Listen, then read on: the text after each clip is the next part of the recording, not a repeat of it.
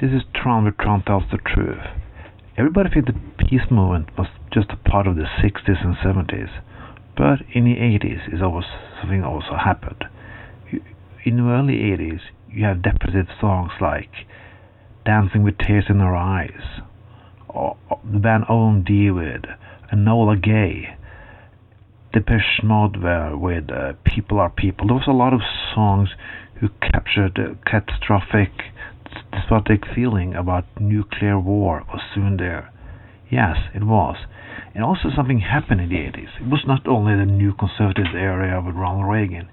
Even Ronald Reagan at one point saw the madness. A few weeks ago, somebody turned atomic clock two minutes to midnight. That means we are near, more near nuclear disaster now than we have ever been since the 80s. But something happened. In the 80s, it happened something special. Even the left and the right saw the madness.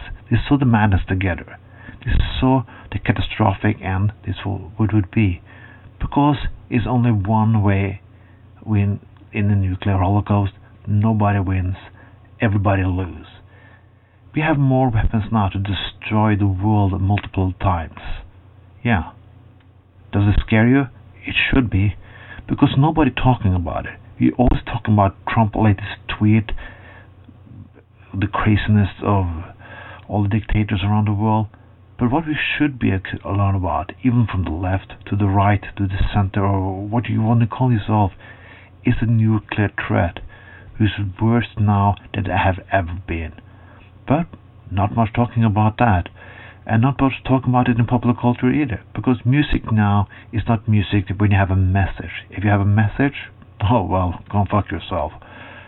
And if you say something to promote in the left and the right, yeah, they can get nowhere. But we should get no somewhere on this issue. Nuclear holocaust should scare the living shit out about it. When somebody asked Barack Obama once was was keeping up at night. He said India and Pakistan. Yes, you know both those countries are still having a conflict over an area called Kashmir. Both of them are full with crazy people who want to use nuclear weapons. That should scare the living shit about everybody.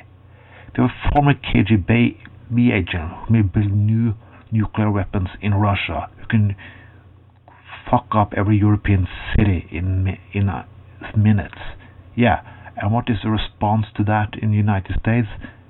Strengthen the military.